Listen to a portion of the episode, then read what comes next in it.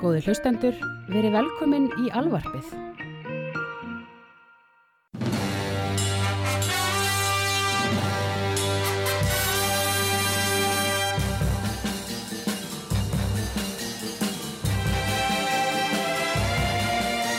Erðu hulli? Já, Ævar. Hérna, uh, vissir það það verið að slá heimsmyndi í speedrunni á Super Mario Bros.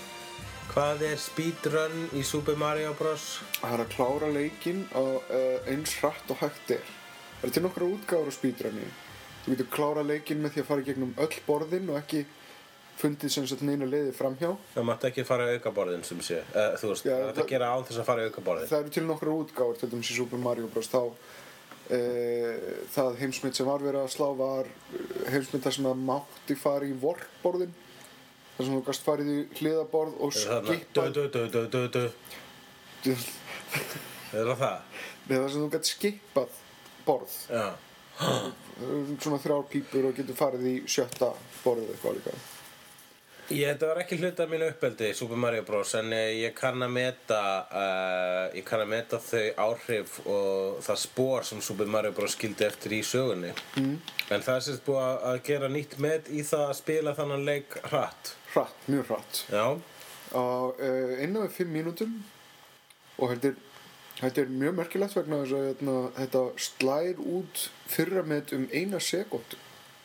Æ, æ. Mér finnst eitthvað áhugavert hvernig allt verður að keppni Já, er þetta eitthvað sem er í eðli mannsins að vilja keppa? Er það, ég, ég veit að sko, keppni er alltaf merkilegt og það er gaman að keppa að þú veist er gam, mér er gaman stundum að spila eitthvað spil og það er gaman þegar það gengur vel. Það Það er að ekkert svo hræðilegt að að það gengur ekki vel. Þú, þú samt alveg getur orðið tapsári þegar þú ert í, í, í leik þar sem að þar sem að, þú veist það er ætlast til þess að þér að, að, að þú setja að keppa Ég verð, ég veit, ég held að sé einhver tapsárni í mér en ég verð ekki, ég, ég, sko, ég verð alveg full ef ég er kannski í einhver liði Já. og það gengur illa og þá fyrir allir í liðinu mín að verða einhvern veginn í fúlu skapi og byrja að kenna okkur um öðrum um og eitthvað svona og allt í henni bara svona, ó, ég held að vorum að leika okkur en nei, við erum bara greinilega að vera leiðilegir Ert þú, ert þú típan sem hættir að taka þátt í einhverju leik vegna þess að hann vinnur ekki? Mm, eh. ég held að sko að vinna sé kannski góð kvartning til að taka þátt aftur en, en það er ferðalagi er miklu ferðalagi er málið. Ég meina ef að ef að uh, þú veist niðurstaðan ef að hérna, áfangastagurinn sé velunin þá finnst mér pointless að spila. Já, þess vegna er roleplay besta spilið. Já, ég meina ég, uh, já, nei ég, uh, ég það er maður samt ekki að hafa einhverja gulrót einhvern veginn í hausnum á sér, einhvern, ímyndaðan enda stað ég að ég til bara þess að já. nenn að leggja af stað í eitthvað svona.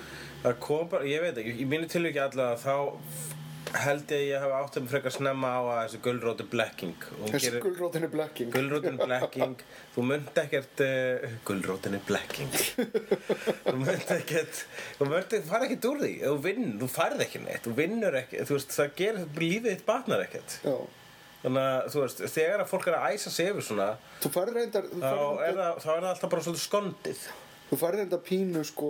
Uh, Smá endorfín Já, já. smá, smá endorfinskant sko. Já, vissulega, en það er líka sko, það sem er, ég hef reyndar lært í, uh, svona, ég hef búin að byggja mér upp svona coping mechanism þegar ég er að spila. Hún spila gefna við fólk sem er með keppniskap og, og tapsvort og svo leiðis að það er mjög gaman að stuða. Já, það er, mjög, sko, það er eiginlega miklu skemmtilega að vinna ef að þú sem er að vinna aðila sem að tekur þetta þessu alvarlega. Þannig- Þannig... það, er svo gaman, svo gaman að fara í taugarnar á öðrum. Það er bara fátt skemmtilega og eins og, já, ég spilaði við ke- ke- ke- keppnis hérna, fulla manneskjur og þá, þá er alltaf svona að fær, þá, þú veist, þá er, þá er endorfími þegar sem maður fær, þegar maður getur trivial spurninguna eða kemst áfram í whatever já, og hinn, hinn gengur illa það að sjá hinn vera eitthvað svona engjast um út af þessu á meðan eitthvað sem að sko er rauninu bara heppni að manns einn hálfu er svona að rústa honum. Já.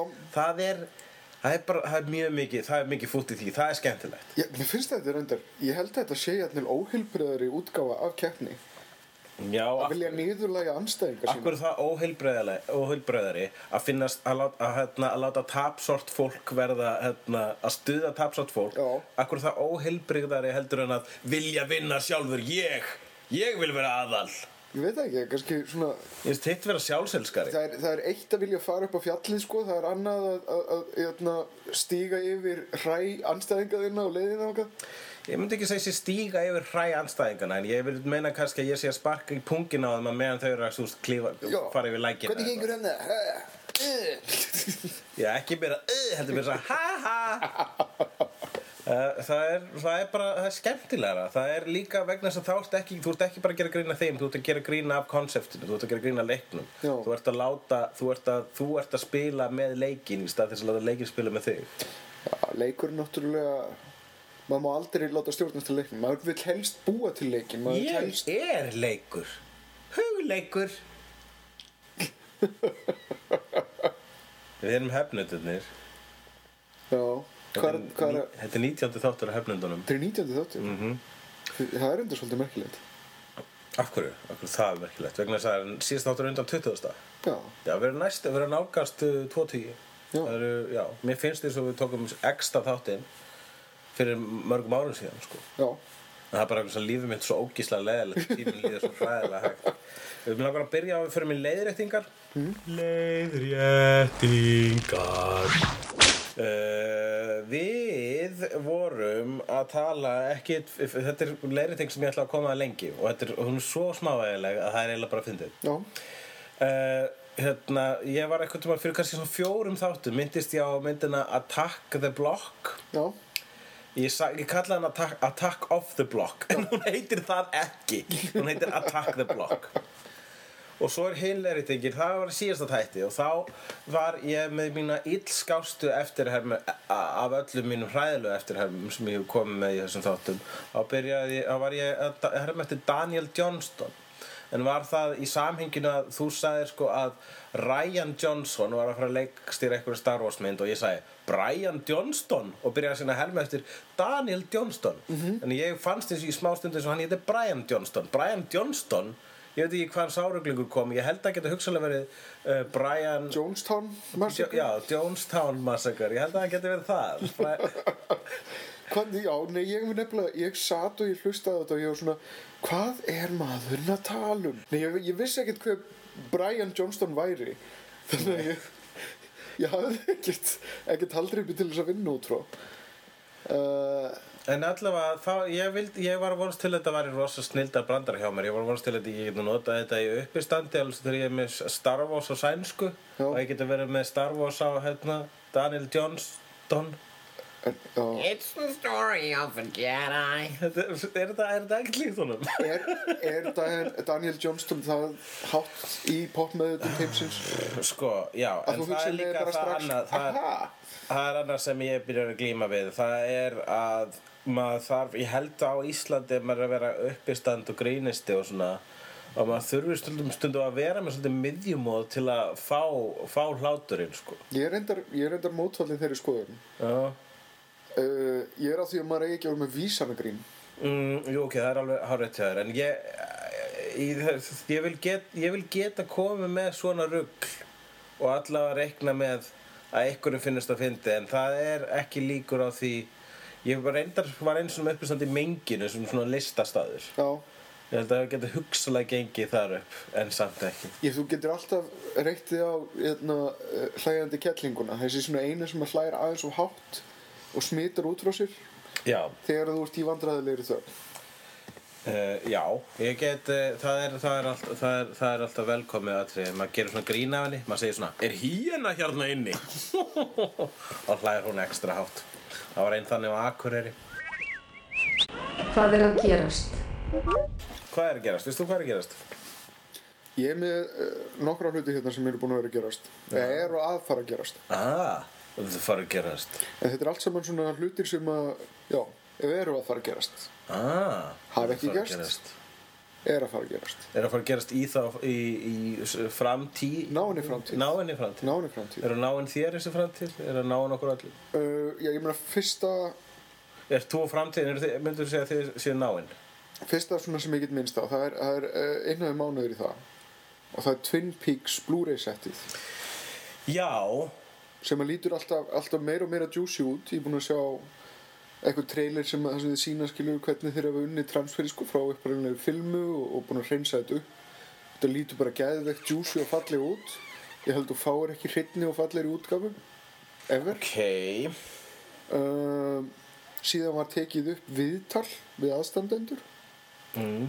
þar sem að hann jötna, David Lynch tekur viðtal við alla jötna, Polmer fjölskylduna Já, bara takk karakterina Já. mm. sem að hálf einhvern veginn í karakter og ekki í karakter þau eru einhvern veginn að tala saman svona Já. í einhverjum, einhverjum milli lífs og dauða stað. Jag förstår, ja, hallå, snälla lilla gumman Já, og það er sem sagt þetta nýja efni sem að hann jötna, hvað heitir hann? Re- hvað heitir hann, pappi Leland Palmer, uh, Weiss eitthvað, Ray Weiss hvað heitir hann, Leikarinn, Já. ég veit ekki hvað hann heitir.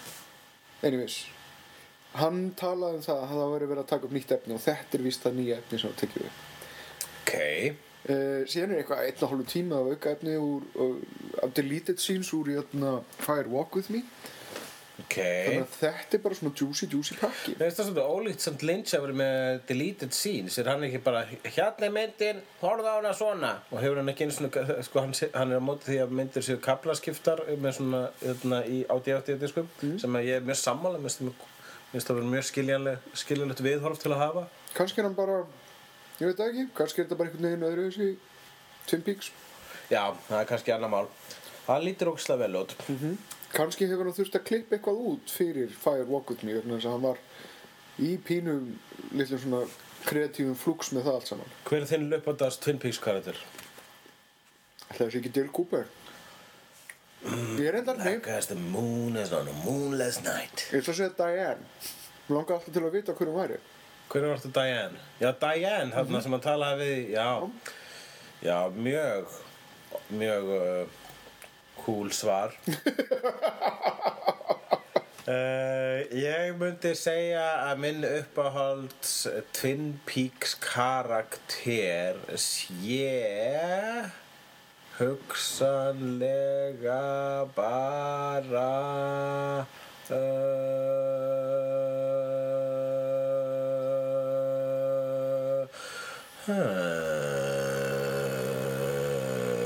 já, mér finnst nú bara pínu, ég held að Log Lady kannski, en jafnvel líka hún var mjög skemmtileg sko típan hérna sem að var að reyna að finna upp þöglar eh, gardínur já, En síðan þegar hún breyttist uh, hérna, í úling allt í einu -hmm. þá fannst mér hún aðeins síðri persóna -hmm. en uh, hérna, vegna þess að uh, Twin Peaks fyrir þáttaröðin er svona groundbreaking opera uh, þá setni þáttaröðin hún er meira svona eins og að meira augljósara grín að operum sko. hún er aðeins síðri heldur en, en fyrsta serían ef ekki væri fyrir loka þættina eh, að sérstaklega loka þáttin í annar seríu sem er besti Twin Peaks þátturinn í rauninni og allavega David Lynch legasti þátturinn. Ég hérna mér veist þetta alltaf einhvern veginn enda í fangaklefunum í lokinn á fyrstu seríu. Já. Já, ég var ekki eitthvað með það að, að önnu seríu átti bara ekkert að vera gerð ég bara veit ekki hvort þeir hafi planað svona langt fram í tíman sko. Nei, ég ef, ef þeir hefðu vita hvað þeir að- voru með þá Já. hefðu þeir líklegast til ekki komið upp um morðingjan svona fljótt Nei, þeir eru líka bara, bara að gera þess að þáttur að bara ekki fræðilegu möguleika eitthvað eftir að húst, samþykja aðra serið á þessu -hmm. Það er bara trikkið Trikkið er að gera eitthvað sem að engi, ef þú heldur að allir mun að hata þá munur líklega allir að elska það vegna þess að fólk eru fokkin sauðir sem veit í hvað það vill og að segja hvað er meira að gerast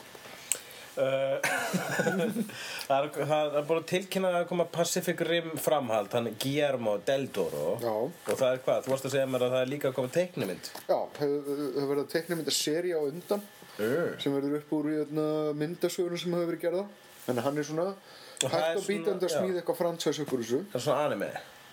Bara veit það ekki, vægtalega Já. Voða, illa undirbúinu, við veitum ekki neitt hvað erum að tala um núna. Já, þetta er bara þannig tími. Já. Það er eiginlega svona, það er eiginlega einhver, einhver Eitthvað gúrka. Já, það er gúrka í loftinu ég veist, það er allir í saumafrí einhvern veginn það er, er uh, einhvern veginn bara svona mig, langar í frí. Já. Uh, Skemmtilegt. Erum hérna, við ekki bara segja þetta gott í byrju? Ég skal segja þér, Pacific Rim Já. er mynd sem ég sá í bíó og mér fannst hún það er að segja öll skrýmslaðatrinn svo voru öll humanatrinn sem voru crap sem er, gerst gengur greinlega í, í, í svona myndum. However, þegar ég horfði það sinna aftur á Blu-ray einhvern tímann bara heima á mér djöfusis fucking snild.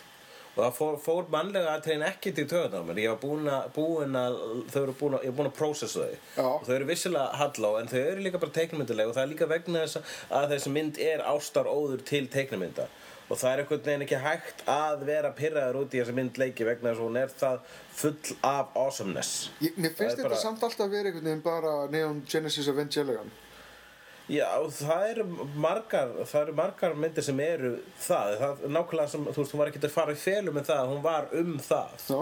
Þetta var um þessa gerð, þetta var brí- ástarbref til mynd, teiknumynda seria eins og Neo Genesis Evangelion og annara. Þetta er bara, hérna, þetta, var svo fulla awesomeness að það var sko, það er, það er bara svona nánast erfitt að einbeita sér að sögutræðinu, maður bara fylgist með vélmunum berjast við skrýmsli og þess vegna sko finnst mér í lægi að hérna, drama að mannlegi þátturinn er svona glataður og, og hérna, vegna þess að það, sko, vegna þess að þegar koma glötu human atriðin þá er maður bara svona, þá bara melta alla geðvíkina sem kom í atriðinu undan þar sem að hérna, velminni var að kýla skrýmsli í andliti. Mm, En þetta er rosalega episk mynd. Ég voru að horfa um daginn og sko til stafinir Pacific Rim, stafinir svona, Pacific Rim, bom bom. Þeir byrtast 17 mínútum inn í myndina. Það er búin að líða 17 mínútur af bíómyndinni Þegar titlandi koma. Það er mjög langt Það er mynd sem tekur sig alvarlega Já, og, og síðan er bara sko hérna, síðan sko er eiginlega sko heimur svo skemmtilegur. Eins og sko kynningarefni í kringum Pacific Rim það var sko fyrst að sjá hérna á netinu fullt þessum plakatum af mismunandi skrýmslum og mismunandi vélmennum. Og fyrst að sjá heilu vélmenni sem voru ekki einu svona í myndinni. Það er búið að skapa alveg heilan velmenna hér sem að er ekki svona þarna. Já. það eru fjögur, fjögur svona vélmenni þarna í myndina Gypsy Danger eða Háski Sígunni eins og ég kalla það, það er aðalvélmennið. Og svo er Tjerno Alpha sem er eiginlega mitt uppáhalds vélmenni þarna fyrir utan hugsalega hérna, ja, uh, japanska vélmenni Tjerno Alpha er sérst rússnest vélmenni. Og, og Tjerno þá vísinu Tjernobyl og þeir eru bara með svona kjarnakljúf í brjóstinu sko. Eða kjarnaásinn kallar ég Tjer- Tjerno Alpha Crimson Typhoon eða Rauðibilur er, uh, hérna, er japanska velmenn og það var, með, það var, það var þrýr japanir sem að stjórnuðu því. Eða voru, það voru kínverjar ég held að voru Kínverjar, já, ekki? það meika meira sens ég ruggla alltaf saman Japanum og Kínverjum og líka Svíum og Nos Nossurum og líka Íslendingum og Vestmannheingum og uh, Striker Eureka það var hérna á, á, ástralska velmennið sem að, eða Eureku framherrin eins og við kalla það. Evriku Ev, Evreku framherrin, já það er betra. Já, vegna þess að segir Evreka. Já. hefur þú eitthvað sem uppgötað eitthvað og hrópað einn upp fyrir þig? Evreka! Já Ég held að ég hef gert það svona í, í, í, nerdy jest ég hef bara sko, skrifað einu svona rosalega góðan þennan prumpubrandara og ég var bara Evreka við hérna, eitt er reyndar með hennan heim, meina hann, það er það sem að Guillermo del Toro gerir best, er það að hann dúlla sig við það að smíða mjög flókin heim í kringu það sem hann er að gera. Uh, þetta er eiginlega það sem að hann svona, já, skara fram úr. Þannig hérna, er þetta, er góður heimur? Er þetta, er er nógu góður heimur? Er þetta ekki deradýfur heimur? Er þetta, er svona, hann er dregin af all, alls konar öðrum hlutum? Mér, ég var til dæmis hugsað um það, hérna, uh, rosalega mikið hugsað til Starship Troopers. Já, hún er pínum starfsum trúberslega hún er svona, einmitt, þetta er pínum leikinn teiknumind og allir svolítið svona, þú veist, gang-hó í því að, að berjast og svona, nema hvað mínus ádeilan. Þannig eru allir umverulega kljást við eitthvað sem er hræðilegt og, og, og verið vesinn já, ég myndi ekki segja þessi ádæla á eitt neitt sko. Nei, það er engin ádeila þarna. Þetta er mjög svona yfirbúskend og, og, og, og hérna, einföld skemmtun. Sem ég meina þú veist það er ég þarf ekki að segja að það sé eitthvað slæmt skilur en ég sá hana bara í bíó. Ég uh, var svolítið underwhelmed þegar ég kom út. Það var eitt sem að koma í sambandi við þessa mynd. Það var umræða sem að byrtist það var Svona feminist umræða. Ok. Vegna þess að Það er basically ein Kvenpersona í myndina Allavega ein sem að talar. Já. Það er þessi, þessi japanska stelpa Sem heitir Mako Mori Já, Og uh, hérna Og uh, það var það var talað um það hvað þessu skítfjall þessi, þessu mynd skítfjall algjörlega á Bechtel-prófunu uh, og síðan upp úr því spann hérna, kom svolítið skemmtileg umræða sem að það sko er, að, sem var svona það var basically bara efast um alveg þið fullkomna gildi Bechtel-prófið en það er það ekki, þú veist Bechtel-prófið gerir ekki góða mynd. Nei, nei, það er Nei. bara, þetta er bara checklisti Já, og svo getum við bara útskýrt fyrir þá sem við ekki. Bechtel-prófið er sem sagt próf sem að er uh, gerðna sett yfir kvikmyndir til að aðtuga, til að bara raunni staðfesta hvort Sjá að- hvort að þeir, myndirna viðkynni tilvist, tilvist og hverna Já, það er, þetta er prófið, minnst er stærst Bechtel-prófið þarf að hafa að minnst að kosti tvær kvennpersonur sem að bera eitthvað nafn. Mhm. Þær þurfa að tala, uh, tala saman í myndinni. við hvort aðra við hvora aðra um eitthvað annað en kallpersonur Mhm. mynduna það er svo sannlega ekki hvað sem gerist þarna. Það er alveg vegna þess að hún hafði enga aðra konu til að tala við. However hennar persóna var alls ekkit eitthvað síðri. Hún var, þetta, rauninni var sko var hún, var, myndi ég segja að vissulega hafa verið feminiska eitthvað leita vegna þess að sko hérna hún fær, hún fær eina mestan, mesta baksögu. hún var mestu baksuguna, hún er eiginlega alpersonan og aðal karlpersonan sko, virðir hana frá upphafi og hann er ekki að reyna að gangi augun á hann það er ekki litt svona rómans ef það er, ekki einu svona male gaze í myndinni. Það er reyndar actually female gaze í myndinni þar sem hún er að njóstna um hann bera ofan. Uh, og þannig að þá kom nýtt próf sem er kallað Makomori prófið Já. Þannig að mér finnst þetta gott ef þú ætlar að, ætlar að vera að skrifa handrit og hafa verið góðu kynja okkur í því að, ta- að láta það gangi gegnum Bechtel-prófið og líka Makomori-prófið. en hvernig er Makomori prófið? Makomori-prófið, það er sem sagt að myndin þarf A. að hafa minnst kosti eina hvern personu B. personu sem að fær sinn eigin söguþráð og C. er ekki, og söguþráðurinn þarf ekki, á ekki að vera að styðja söguþráð kallmannsins og það er ekki og, og Pacific Rim stendst að sjálfsög Makomori pró- algjörlega. Hvernig, þetta hvernig? Er, er, er, er, endar þetta ekki með því að Makomori einmitt hjálpar honum? Já, en og hún er raunverulega þarna til þess að riðja ykkur hindrun úr vegi fyrir aðalsöguhutjuna til að bjarga deginum. Já, en það er er að hún, eins og þú segir, hún fær jafn mikla ef ekki meiri baksögu hann fær baksögu til að byrja með og síðan er fókusin á hana eða megnið af myndinni. Mér finnst þeim eitthvað svona púkarætt við það um þetta uh, töff Þetta er hérna þetta er, þetta er tegund á kvenhetju. Þetta er hérna Trinity. Ertu að tala um sterku kvennpersonuna? sterka kvenpersona Hún er hún er heldur ekki sterska kvennpersonuna vegna þess að hún, fa- hún Er sko, hann ekki langt best í jakarpælutun? hún er mjög, manst ekki þegar hún rústar heilu, heilu orustunni vegna þess að hún fær tauga áfall í miðri orustu. Já Já, það er ekki það sem maður myndi tengja við sterka kvennpersonu. Ok. Það er að segja þessi klísja með sterku kvennpersona sem er basically hérna, kona sem hefða sér eins og kall eða hefða sér eins og klísjan af karlhetju sem er svona persóna svona rosalega töff og hérna lætur sér aldrei bregða og er óksla góð í karate. Þetta eru svona, svona típalösir kallar sem, sem bjarga deginum en eru í svona hot líkama. Já, það er svona til dæmis eins og hún uh, Mila Jovovich í Resident Evil og um eitt Trinity í Matrix.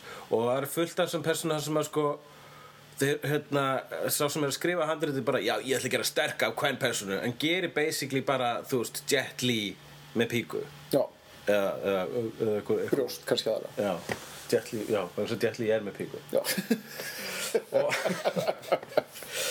Uh, og já, þannig að ég, þetta, uh, mér fannst þetta svolítið gott og líka það sko að, hérna, er það var vantaði allan rómans í myndina og það finnst mér ógísla refreshing. Já, já, að, að það er mjög þurfa ekki jákvætt. keira myndina áfram með því að hann sé ástfangin af henni eða hún af honum, sko. það þarf ekki alltaf að vera sleikur Hún er, hún er ástfangin af brjóstkassanum hans allavega í einu aðtrið en að öðru leiti þá finnst hún hann bara svona, Já. þá er trýtur hún hann bara sem jafningja, sko. Ég held nefnilega sko, þú veist það er eitthvað einmitt frísk eitthvað, já, eitthvað svona hressandi við það þegar við erum með myndir þar sem að það er ekki sleikur. Það er ekki eitthvað barátta upp á líf og dauðum á ást og, og, og, og Ég held það samt að það hafi verið vísun líka í asíska kultúrinu vegna þess að það er gjarnan í þessum hérna, genramyndum frá bæði Kína og Japan og Kóreu að e, þeir sleppa rómans algjörlega og láta aksjóni, láta ástæðana fyrir þú borgaðir inn á myndina vera fókusin sko. Uh, og hérna, tekið eftir þessu í John Woo myndunum sko, þá ef hann er meira þess að þegar hann er að berga konu þá er hann aldrei eitthvað að fara, veist, að kissa hann í lokin, það meira bara Nei, þau bara bara svona einhvern veginn vinir. Já allir að haldast í hendur og, og Það getur líka eitthvað haft að gera með kultúrin að sé svona pínu tabu að láta fólk að vera eitthvað að stinga tungun upp í hvort annað í bíómyndum sko sem eru kannski krakkar að borga sinn til að borða, horfa á ofbeldi.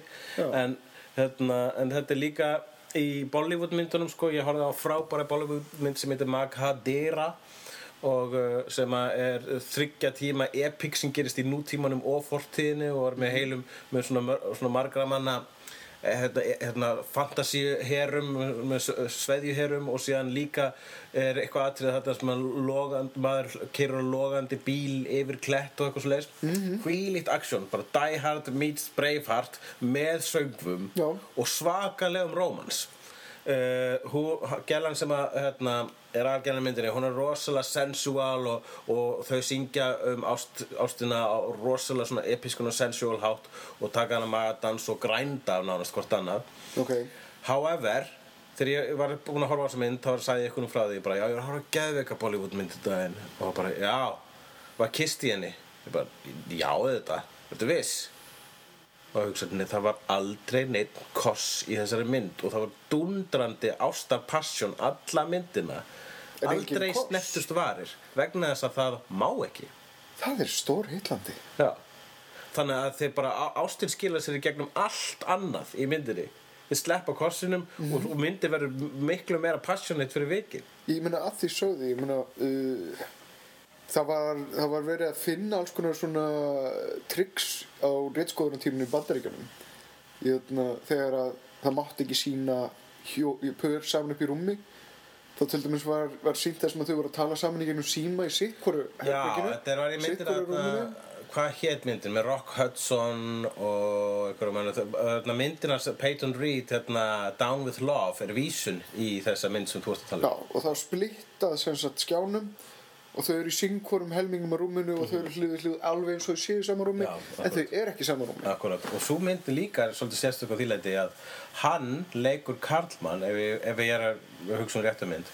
Hann leikur Karlmann sem að uh, hérna þykist fyrir hommi Já, til þess að vera svona hard to get við konuna hann, hann, hérna, hann ákveður að láta hana ganga mjög mikið eftir sér og á tímabili til þess að bara tefja fyrir og þykist hann vera hommi nema Rock Hudson var hommi. -hmm.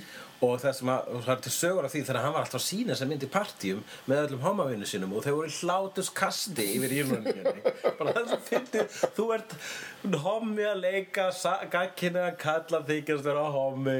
Æ, hvað það er fallið þetta var mjög en En ég, náttúrulega hlýtur að, já ég er enda svona, ég hallast að því að það gæti kannski verið kvartning til að finna nýja nálgun á hluti að búa til svona takmark, að búa til lítil box. Já, Þannig að, já, minka aðgengið að að allt má já það er uh, vissulega hérna snið, það, það, er, það er fyrstilega bara sniðut svona ekonomist, þú veist, ert með ódýramynd þá er mjög sniðut að sleppa aðaldótinu og stundum verður myndin sterkari fyrir vikið, sko.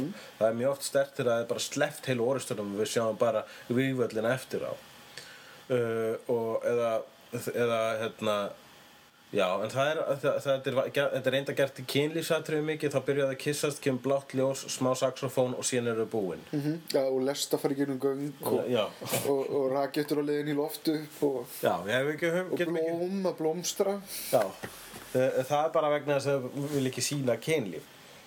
En, ég, en, en enga séu, mér finnst þetta, þarna er um leið og komið með eitthvað takmarkanir þá er það kvartning til þess að, að, hugsa framhjá það er fátt sem að hérna, gerir fólk meira kredit heldur en, heldur en tálmar. Já, það er líka, þú veist, í þá daga þegar að uh, með skrýmsli var óslega dýr, þá mm -hmm. bara skrýmsli komið í smá stund í bíómynd. Fyrir vikið var skrýmsli miklu meira skeri en uh, núna þegar bara þú þarft að tölvu tekna eitt skrýmsli þá getur þú margfaldað og, og gert heilan hera af þessu skrýmsli þá um leið og þú ert búin að sjá það í tvær sekundur þá er það ekki lengur skeri talandi um það að sjá allt allan tíman, á hvað varst að glápa? Á hvað ertu að glápa? Ég var, það er, búið, það er HM náttúrulega og ég fór tóleiki og ég fór á Transformers. Já, Transformers 4 uh, Age of Extinction e, reysa eðlu vélminni Já, þarna er sagt frá því að hérna Guð mig góður, ég get ekki sagt þér um hvað þessi mynd var Já, það voru alveg vélmenni í hvernig var henni. hann, Það var Mark Wahlberg er hérna búinn að hvernig var hann Mark Wahlberg? Hvernig, hvernig, hvernig var Mark Wahlberg? Uh, hann var Og bara fín, frábær, sko, þú veist, ég menna, hvað, uh, fyrsta lagi þá var hann Shia LaBeouf löngu búinn að segja nei við að leggja í fleirum sem er fínt, það er gott að brjóta þetta upp og líka bara, gæti ekki að hafa sagt það á betri tíma vegna þess að hann var, ég held að kannski var Transformers sem að held í Shia LaBeouf vitinu vegna þess að leða hætti Transformers þá klikkast hann. Já, ég held sko ég held að hann sé bara mjög mjög slæmum stað. Ég held að sé gangi ekki um alvarleg geðróf Já, þetta er nefnilega svo hræðilegt og þegar hann ætti ekkert að vera í almenningsljósi. Ég, ég sá hann hann hann var greinlega búinn að gangi gegnum eitthvað skít. Hann var hérna hann var óna eitthvað fólk út á götunni fer síðan á einhverju sýningu eitthvað kabaræsýningu Já, já, og, og, fer síðan að öskra á fólki á sviðinu skilju, veistu hver ég er og eitthvað svona. Já, hann er bara hann, tekið eitthvað persónulega Þetta er sko vegna þess að þetta var sæpa sem kom fyrir þeirra Amanda Bynes Svo frábæra gamanleikona sem að fekk ekki að nóg mikið að láta ljósitt skína Þegar hún fekk eitthvað frægðartöga áfall og, og f- fær hérna geðkvörf og fyrir framan alla og allir er að gera grína allir er að hérna, allast í henni og bara Twitter logar af sniðum bröndurum um hvað hún er klikkaður og, og talkshow hérna, stjórnendur eru með brandar og one-liner um hana. En við erum basically að hlæja að manneskja að fá hjartaafall Já. þetta er það sama. Mér- þetta er eins og bara hann er að deyja. Ég sé bara mann þjást já, Ég var reynda líka sko, eðna, ég sá eitthvað TMZ hérna uh, sem er alveg hræðilegt slúður drasl. Uh, en þeir eru náttúrulega með myndbönd af öllu því hræðilegasta sem til er í heiminum. Já, Þú veist, áræksturinum uh, Tracy Jordan og, og eðna, já, ja, Tracy. Já þeir eru hrækamar já. og við styggileg stjætt að öllu leiti paparazzi. Þeir voru með myndskið af uh, Sjöðalaböf þar sem hann var að koma frá lauruglustöðunni eftir að hafa verið listur á haldi mm. og þar er svona haugur af fólki svona papparössum Mm. með myndavilar og það er stöðugt smell og það er stöðugt verið að óta um hlutum og þetta er svona, hann gengur svona frekar ákveðin þetta er svona, þetta er svona eins og eitthvað svona gera fugglum í kringum hann Við erum öll að spyrja spurninga Akkur, hvað gerðist hérna? Getur þú sagt hvað gerðist? Varstu á eitilíum? Varstu á eitilíum? Varstu á eitilíum? Varstu á eitilíum? Varstu að drekka? já. Ertu, ertu, ertu, ertu sár? Hvernig líður þér? Nei, nei, nei, nei. Það, það, það segir mér það enginn að þetta sé eðlileg upplifun eða er einhver eigi að þurfa að þóla þetta En uh, hann allavega, hérna, já, það, það gengur ekki að hlæja svona greiði kallinum. However, Mark Wahlberg, hann uh, leikur hérna aðra, aðra persónu sem ávist að hafa verið í, í Transformers teiknumyndu líka, sko, en hann leikur ekki sömu persónu að segja Lebúf. Hann leikur actually uppfinningamann, hann leikur pínu nörd, hann tekur með svona nokkra nördatakta, nema hann er svona ógísla awesome butch nörd. Erum við, erum við gleru? Hann er með gleru á einum tímapunkt í myndinni. Erum við gleru? Já, já, gleru Og besti vinnur hans í myndinni er TJ Miller sem er frábær leikari og, og er að finnast það í þessari mynd mm. og síðan komum við ykkur vélminni og svo gerist eitthvað svona og það er í svona það, sko, það er hérna aksjónatriði í seinni partmyndarinnar sem að ég held að vari í meira en klukkutíma. Og það er svo mikið of hlæði af aksjóni og svo mikið of hlæði af bejulationi að þú, missir tímaskinnið og það er bara svona á tímabili þá eh, fannst mér eins og ég hafði verið alla æfina þarna í salnum að horfa á þetta atriði Maður, og þetta var bara svo ég fylltist jafnvel smá kvíða mér finnst þetta bara svo skrítið. Ég er bara svona a- a- ætlar þessi mynd ekki enda? Byrjaði hann eitthvað tíman er þetta allt? Pælir reyndar ef að þessi mynd að hún fer á stað, þú horfir á hana sem dáleiðist að þessu og sem bara soguð ykkur æska úr þér. Já það er ekki upplifunin sem ég fekk að svo við ykkur æska í mér ég hef mjög gaman að þessu og hér er málið. Vegna þess að við erum búin að vera mikið að lofsyngja upp að Michael Bay í þessum mm þáttum. Verðskuldað, og veit að vissulega, en það er alveg bara vegna þess að það, það, hann er einstakur sko. Af, allir action, mjög margir actionmyndilegstur vilja er að reyna að vera eins og hann og það er ekki hægt vegna þess að hann er snar. Og, og hann hérna í þessari mynd held ég vísvitandi er hann að toppa sjálfa sig. Og við vorum bara að segja, já ég fór hérna á hana. Bara djöðl, ég ætla að vera beijuleitið þetta, beihemi í kvöld. Og ég ætla að beijuleita yfir andlitað á mér. Já. og, og, og svo fer ég á hana kem út af henni og var með svona be careful what you wish for. Tilfinning vegna þess að ég var svo já ok. Já ég, ég, ég baði um þetta hún er þú veist, þetta er bara reynsla að fara á þessa mynd, hún er fáránleg. Þetta er sko, þetta er, þú, þú, varst að tala um að hann ætti bara að sleppa söguþræði. Já.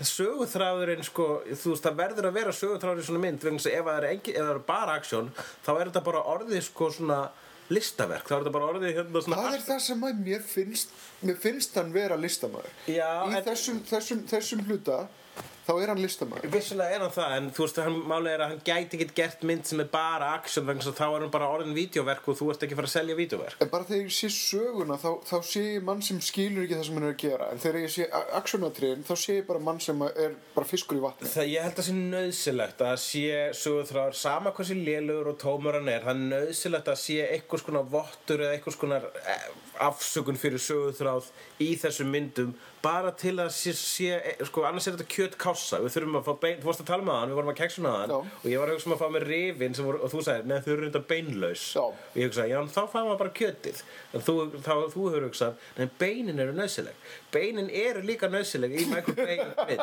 Michael Bain uh, vegna þess að vegna þess að kjötið verður að vera eitthvað, annars er þetta bara kássa Já, það verður, að, verður allavega að geta þóst vera bíómynd sko þessi Pollock klessa hún verður að vera okkur úr striga. Ég væri reyndar í stuði fyrir Supercut þar sem að það verið búið að klippa saman allar þrjár uh, myndir, Transformers myndir sem hafa verið gefnar út. Ég man þegar ég hugsaði eins og þú En ég segi bara við þig, be careful what you wish for. En í bara svona einn svona einn massívan bara vélmenna slást hræri gröð Já Ég væri til í sjá. Það var, sko, ég, var alveg þannig að sko, þegar voru búin að velmenna búin að vera slást þarna og svo kemur hann allt í einu á velmenna risaðlu sem ég veit ekki ennþá hvað var að gera þarna.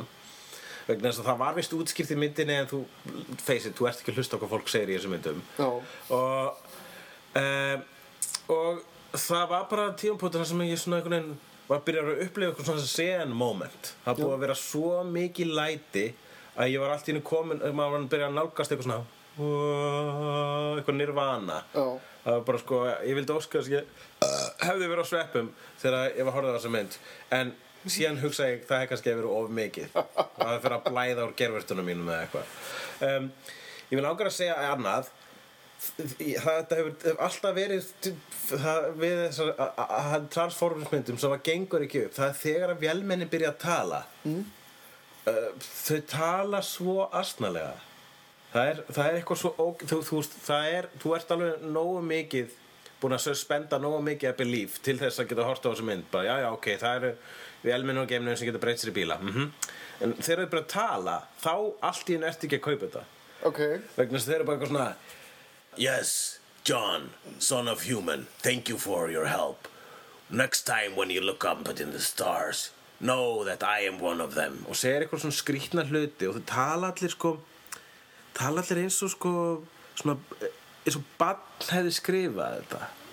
Já, Og nema að ég held að skipta einhverjum alveg hversu, hversu vel línutnar eru skrifað honi í velmennin vegna þess að það það bara...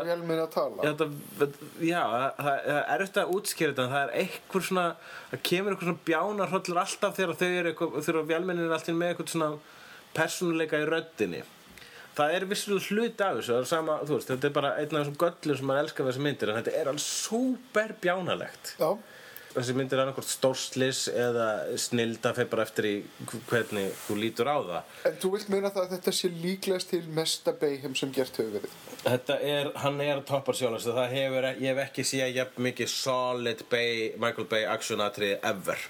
Ég hef nefnilega heyrt því fliktir mitt að þessi mynd sé eins og Michael Bay sé að gera Michael Bay mm. og hann sé að bara svona að, að- að taka allt sem hann hefur gert og allt sem hann hefur lært og ákveða að skrúa það upp í allir. Það er nefnilega með spurningu vegna þess að Michael Bay, hans fagurfræði snýst um of mikið þannig að getur Bay orðið of Bay Ég held nefnilega að það sé engin endastuð á Bay.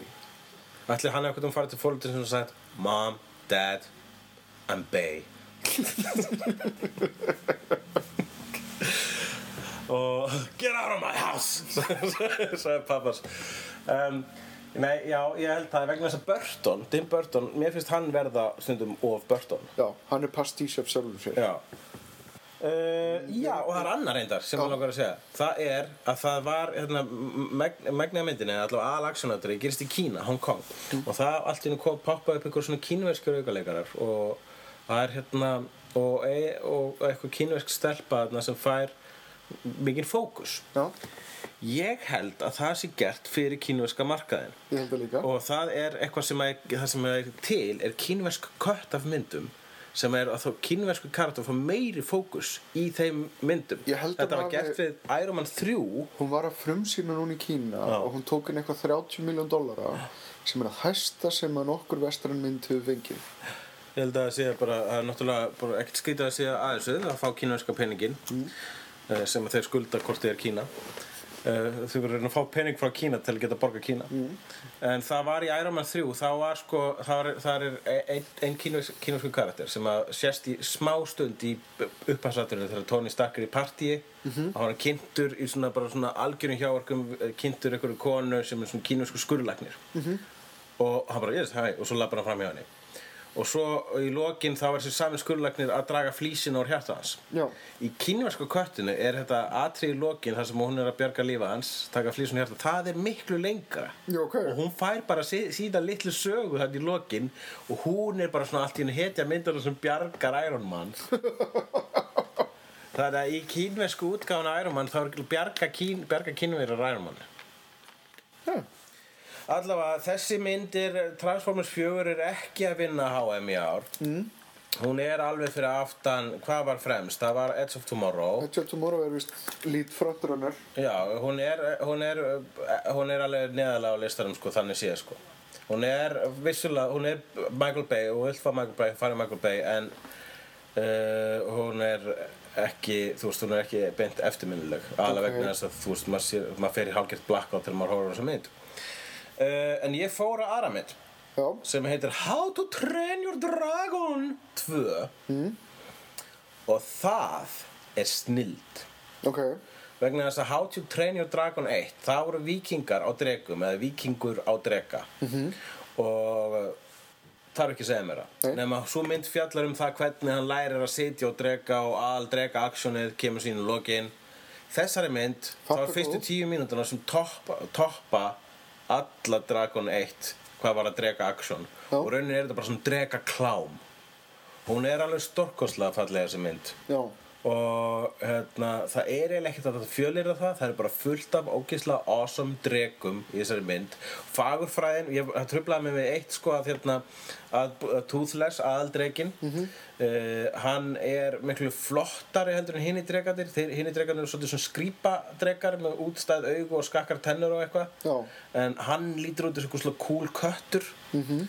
uh, en núna er búið að bæta við með fl- fleiri dregategundum og það eru orðnar allar sortir. Þannig að hei, drega heimurinn þarna er orðin fjölbreyttari og, og, og, og creature designið er bara mjög gott. Það er alltaf nógu fjölbreytt til þess að þarna inn á milli sér bara rosa flotta skepnuhönnun.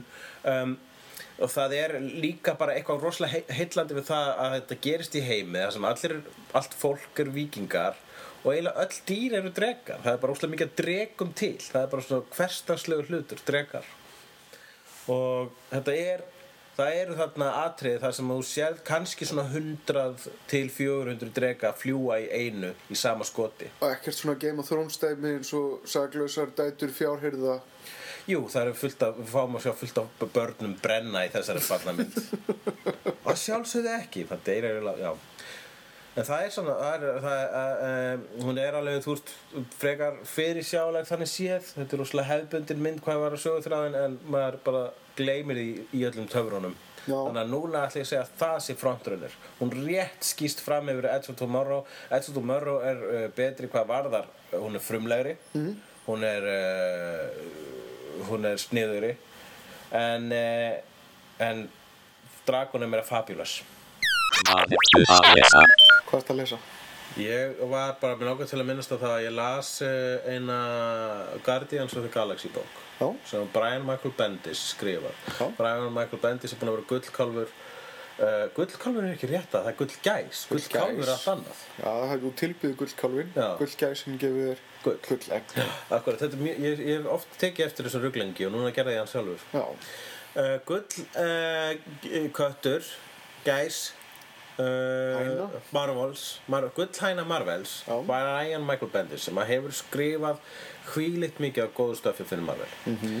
hann eh, er eh, nú, hann er nýlega hætti við hætti á rosa góðu Avengers runni til dæmis Uh, hann er núna farin yfir að skrifa tvo X-Men titla sem er báði frábærir en hann skrifaði líka þetta uh, Guardians of the Galaxy sem er svona einhvers konar uh, nýr, nýr ongoing titill uh, og er hérna rauninni bara settur hérna út vegna þess að það þarf að kynna fólki fyrir Guardians of the Galaxy vegna þess að það er við vitum alla hverjir það eru. Og þetta er bara allt í lægi saga hún er full af þessu, þessu hérna, mannlega elementi sem maður elskar við bara en Michael Bendis það er að segja að allir tala eins og alvöru fólk.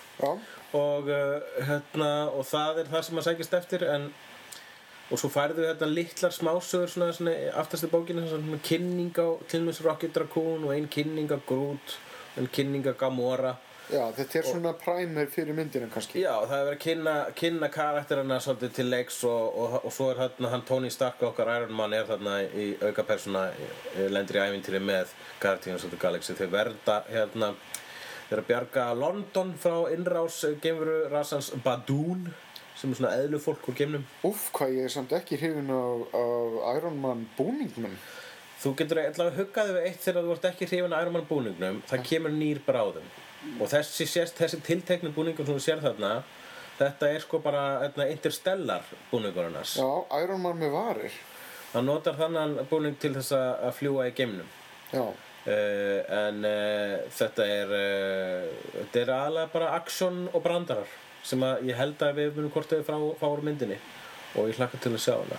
Ég var líka að lesa uh, Red Team eftir Garth Ennis.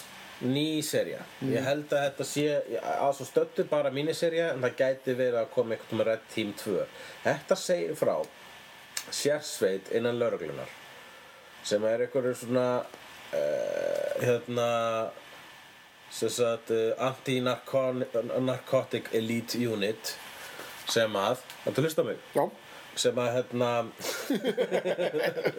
það leit út úr sem varst bara Nei, ég heillnaður bara allt í hennu rakka augun hérna í, í, í Guardians of the Galaxy að það er svona variant covers.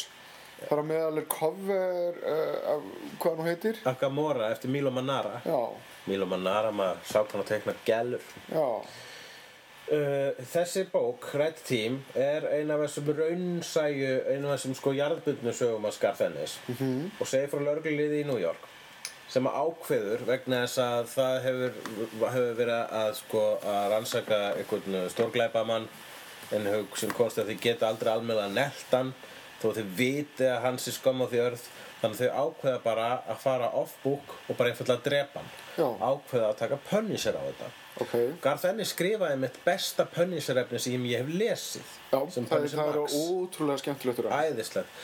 Og það er einmitt hérna maður fær sama kick úr þessari bók og maður fær úr þeim sögum sem að er það að þú fær maður fær ákveðið einhverja endorfínlósun þegar að vondikallin er drepin Já. sérstaklega að vondikallin er viðustigð ef hann er hérna, einhver maður sem að nýtur þess að pynta börn eða, eða eitthvað svo framvegis. Já, þetta er náttúrulega- Man, mannsalar sko. Þetta er náttúrulega sér grein Garþennis að búa til mjög viðustykkilega og, og, og, og, le, já, slæma Já, þannig að lesandinn fílar það þegar hann er drepinn og það er svo fyndi sko. Vi, ég held að mjög mikið hlutfall myndasögulega þetta uh, er örgulega einhver svona viðkvæmt art í lið sem var, er það þar að leiðandi pínu vinstri sinnað og þar að leiðandi á móti döðaræfsingu en ég vissum að þau, og, það, og ég er einn af þeim en ég fæ samt ógíslega mikið út úr þeirri döðaræfsingu sem ég er, ég sækist eftir að lesa þessar döðaræfsingar Ég ég fæ nefnilega losun á svona mannhattuslósun Er þetta samt, já, er þetta Þú Eitthvað ert sem ég ætti að líberal, þú ert viðurkenna líberal gaur Ég er líberal gaur svona í veruleikanum, já. Þú veist, fucking hell. En í skáldskap, inn í skáldskap ertu bara stonts konservativ Til þess er skáldskapur, til að drepa fólk. Ofbeldi á ekki heima neinstaðar annar staðar en í skáldskap. Þar á ofbeldi heima. Jú, vissulega. Þess vegna fóru alltaf, er, sko, í töðunar með til dæmis þegar að Batman Rises, Dark Knight Rises kom og, og, og, hérna, fólk tengd hann við ofbeldisverkin sem voru gerð á, á frumsýningu þegar myndar í bandaríkjunum, skotárusin það var bara, já, og svo er þetta náttúrulega bara ofbeldi styrkun sá var svona pistla á Íslandi já, þessi Batman, nýja Batman mynd þetta er ofbeldi styrkun, við töluðum sem við höfum ekki séð neina aðra bíómynd.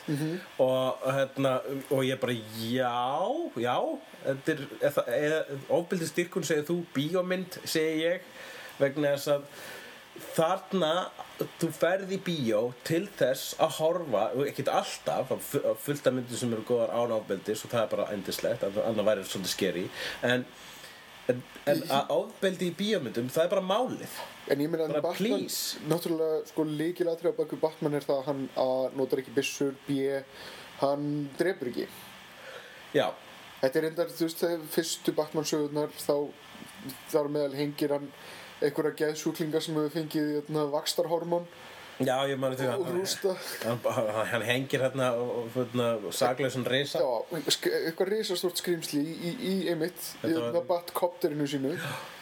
Jú, jú, og það eru reyndar til mörg dæmi um það þar sem Batman stígur út af þessu spori sem að, er alltaf verið að segja að, að, að hann sé á Já. en, en, en Punisher, það er merkilegt sko Punisher er hérna í rauninni svar Marvels við Batman nema hann er bara Batman sem drepur. Já, og hann drepur. og hann drepur, hann er það sem myndi að kallast fjöldamálingi og hann er, hann er, hann er bara með þess að ég held að sé skráður í Marvel heiminn sem er bara mest prolific mass murderer. Hann er reyndar núna í hérna, nýri sögu, svona event komiki í, í Marvel heiminum sem heitir Original Sin það sem nokkur ofurheitur er að rannsaka morð á svo kallum Watcher sem er svona, hérna, svona engill sem að, horfir yfir Marvel heiminn -hmm.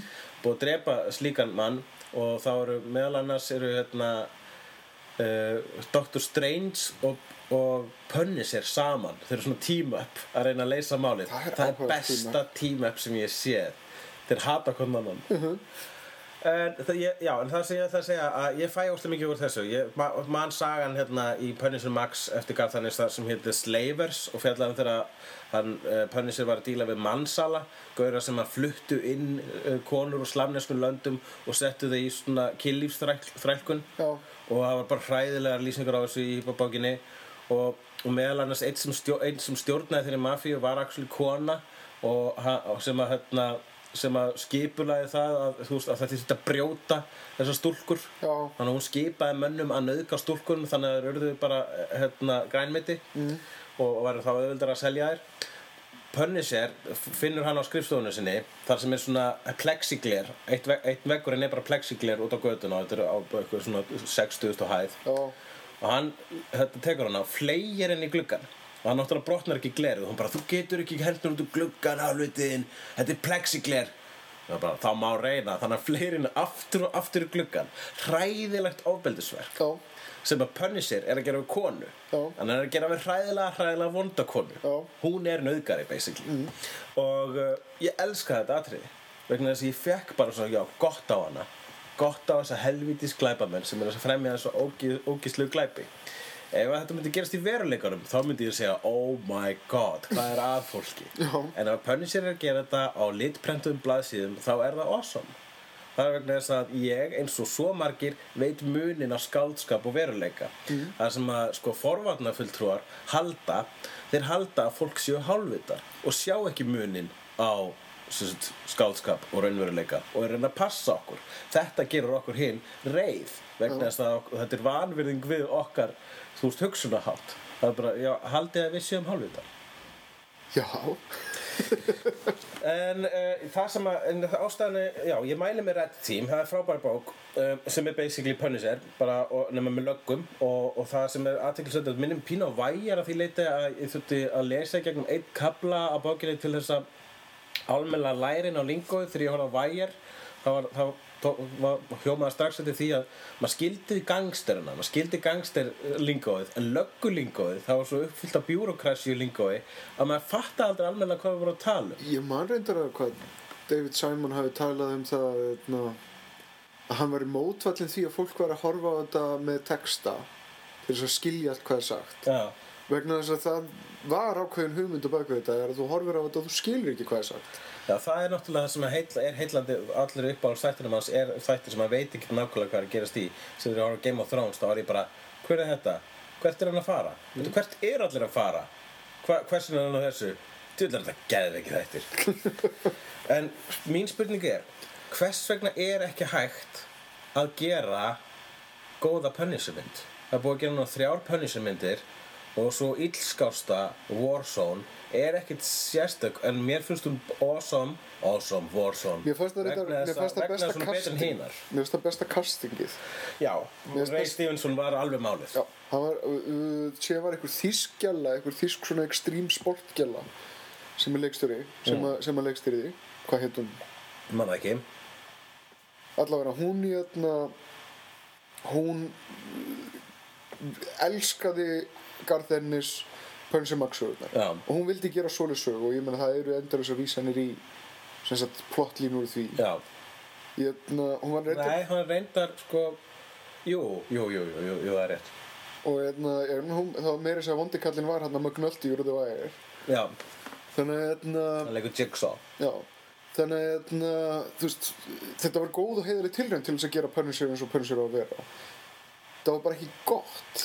Nei, hún er pínu meðal menn sko og ég vil líka heyrta því að, að það voru framleiðendur og svoleiðis sem að rústu þessari mynd svolítið sko. Ég held að þetta hefði verið bara clusterfuck sko. Já, það var hi- hitt og þetta hitt og þetta ves, svona Hollywood vesen sem hún lendi í. Þú þarft að ganga svolítið af innlegnin í, inn í þessa hugmynd að refsa fólki.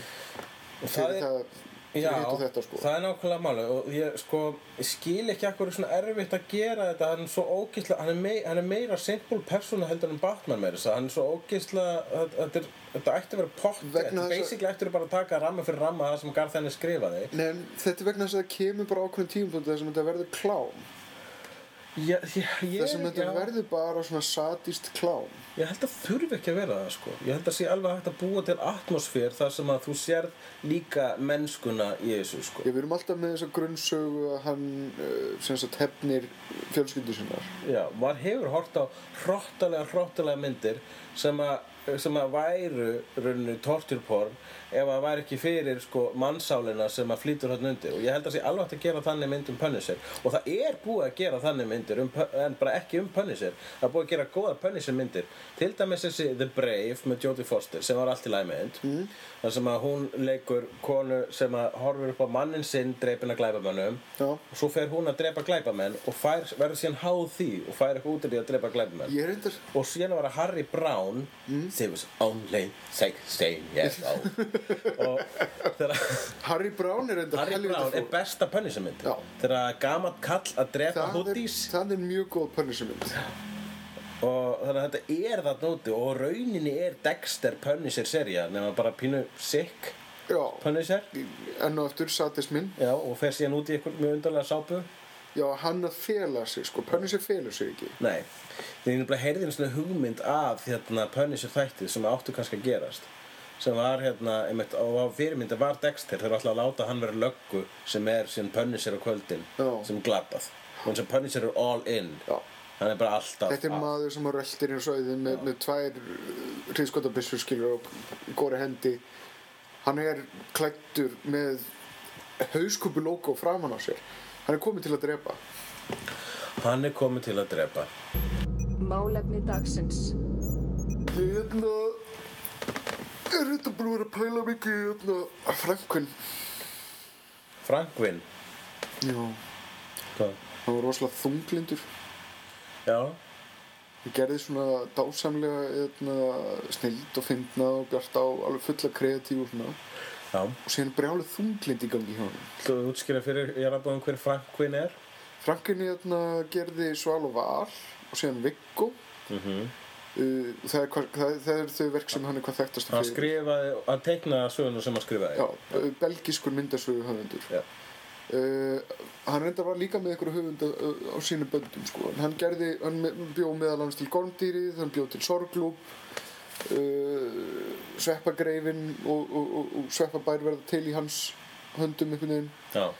og hérna uh, já, hann er líka svona ákveðin uppásmaður ákveðins teikni stíls sem að hérna, sem sagt sem að margir herma eftir í kjálfari þetta er allt saman 1970 eitthvað. Mm hérna, en hann sem sagt var að glíma við alveg brjálæðislega mikið þunglindi Ok. og hérna e, hann gat ekki klárað verkin sín hann var bara frekar dapur. Þannig að hann nefndi ekki lengur hérna, sem sagt, að gera sval og val. Vegna þess að hann bara gat ekki fengið sér til þess að klára það. Hann náði að gera svona viggóbrandara vegna þess að þeir voru léttir og einföldir. Hann gæti það bara, það var alltaf ein síða og það var svona Kannast við, við þessa tekník? svona viðræðanlegt e, og, og, og, og gast gert, hann gæti gert hratt í gegnum það sko. E, en síðan sko sem sagt hann var alltaf að laumin einhverjum svona subvirsum hugmyndum í sambandi við hérna, umhverfis dæmi og uh, dýravernd og annars leikt hann gat gert, gert mjög svolítið svona preachy dæmi. Já. og það er mjög fræg til að mynda uh, sagt einsíðu uh, Viggo saga sem að fjallar um það sem að Viggo uh, er pyntaður uh, af hérna, hinum og þessum hrottum hérna, Jóku, kæristun hans er nauðgað og þetta er fyrir Amnesty International Í alv... Er þetta til? þetta er til Þetta er svo tinna homaklámsagan sem er líka til. þetta er bara eitthvað svona þetta er, eitthvað, eh, þetta er ótrúlega, þetta er náttúrulega allt í einhvern svona svart hvítum stíl skilur og það er ekki, það er ekki verið að sína ykkur smáatrið skilur en það er bara verið að sína vikk og gangi gegnum það sem að gerist í sagt uh, löndum þar sem, sem einræðisherrar og anstingilegir menn er á það ríkjum Já. Og þetta var gert fyrir Amnesty International og, og, og, brandarinn svona gekk út á að segja skilur Jötna, þetta er ekki fyndið en þetta er gerast Mér mér veist svona listaverk vera nefnilega, mér það, þau, mér, þau, ég kann alltaf að meta þau. Mér finnst gaman þegar eitthvað sem áður var fallegt er eðalagt fyrir framæði to, to make a point. Já.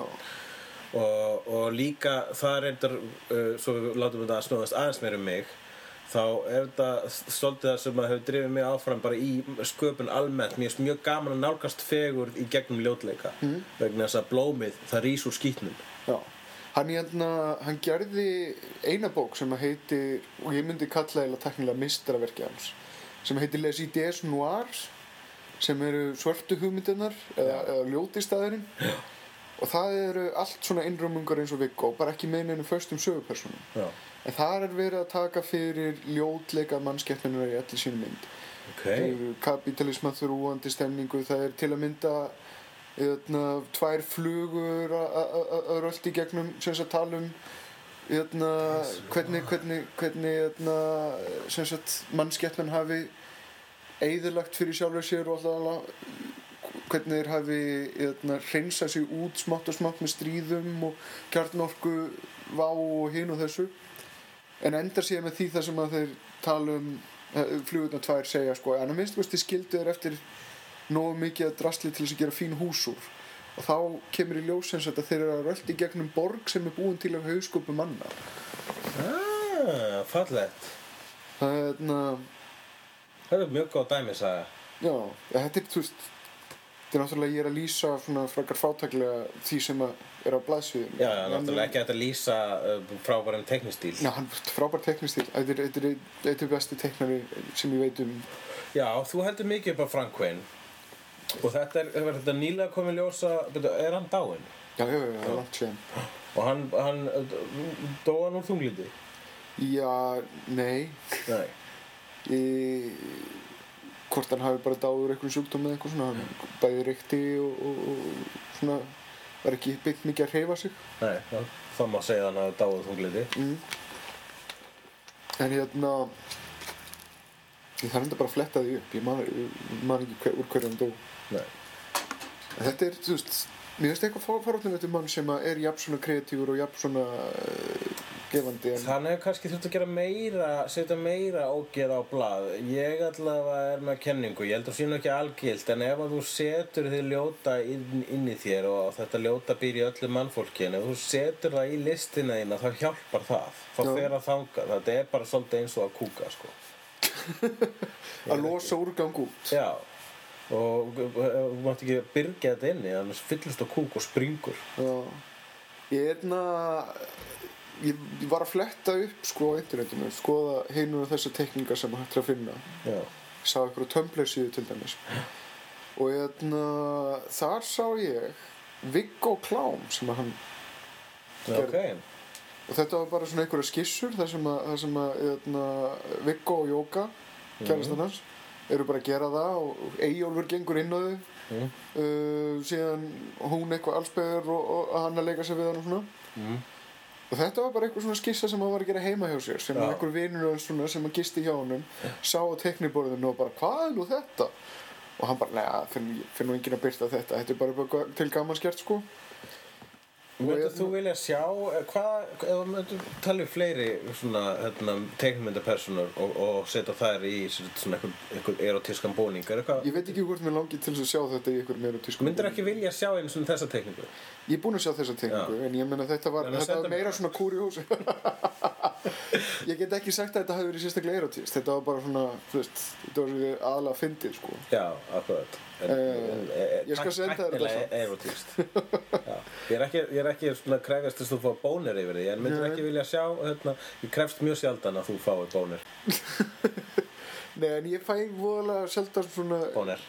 löngun til þess að fá einhverja, erotíska útgáfu af sögupersonum Já, ég veit ekki, ég skil alveg hvers svona fólk sækir í svona slash fiction þegar að lesa eitthvað svona erotík millir Körk og Spock eða eitthvað svona, ég sé alveg að þú, vegna þú va- þykir vænt um einhverja personur og, og vilt sjá það ríða, þú veist, ég skil alveg þá löngun. Já, Mér þy- þykir að verra þegar það er sko Andri Sönd eða eitthvað slags, mér að líka bara svo trublandi bara að hann er sé alltaf henni komið með tippi þegar augljóslega hann er ekki búin að vera með tippi að síðan hann var skapaður það er búið að vera svona öskrandi framan í okkur síðan að Walt Disney teiknaði bara og hérna er tippalegs önd það er er bara berrasaður með ekki neitt átna með nákvæmlega sama botn og Andri sína en er ekki Howard the Duck einmitt til þess að láta þessa fantasíu rætast? uh, Er það? Já, ég er að meina Howard the Duck, hefur, hefur einhvern tíma kíkt á myndasöguna? Ég, ég, Hann ég er alltaf umkringdur af einhverjum hálfnögtum konum, skilur við. Ok, en já, já, allir það ekki En hann náttúrulega,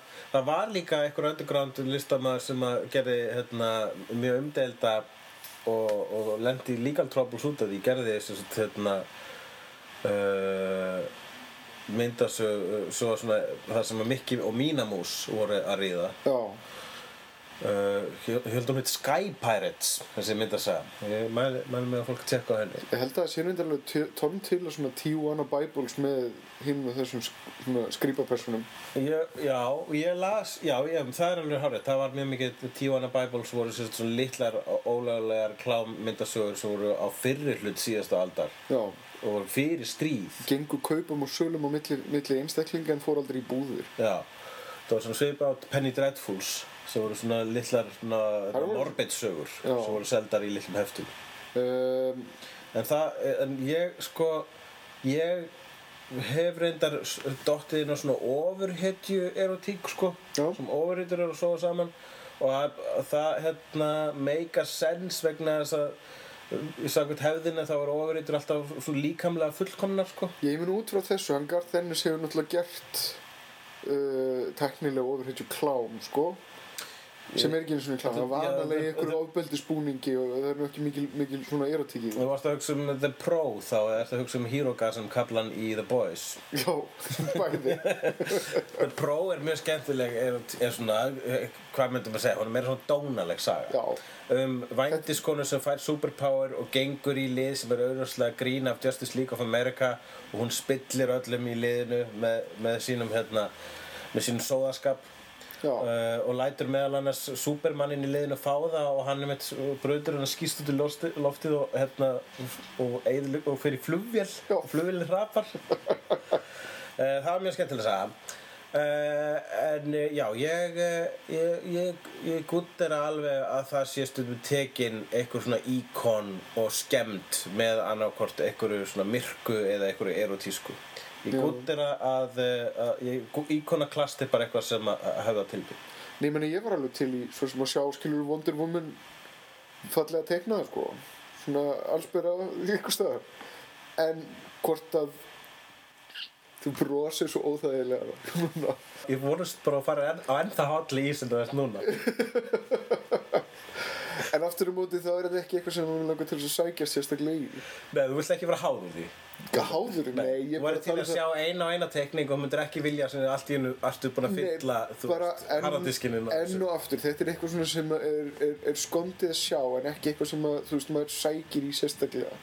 Já, nei, ég kann að meta mjög, sko, hérna, ég kann að meta svona uh, þú veist, svona nudes, svona tasteful nudes. Já. svona eins og hérna, klassísku málarinn tegnaði hvers vegna ekki að gera akkur ekki, að klassísku málarar nútímans eru, eru bara ofrýttu tegnaði hvers vegna ekki að þeir fari þá leið, leið líka? Ég, ég meina, þú veist, geri hérna, myndarlega mynd af, af be, bera neðan Batman með uh, uh, reistan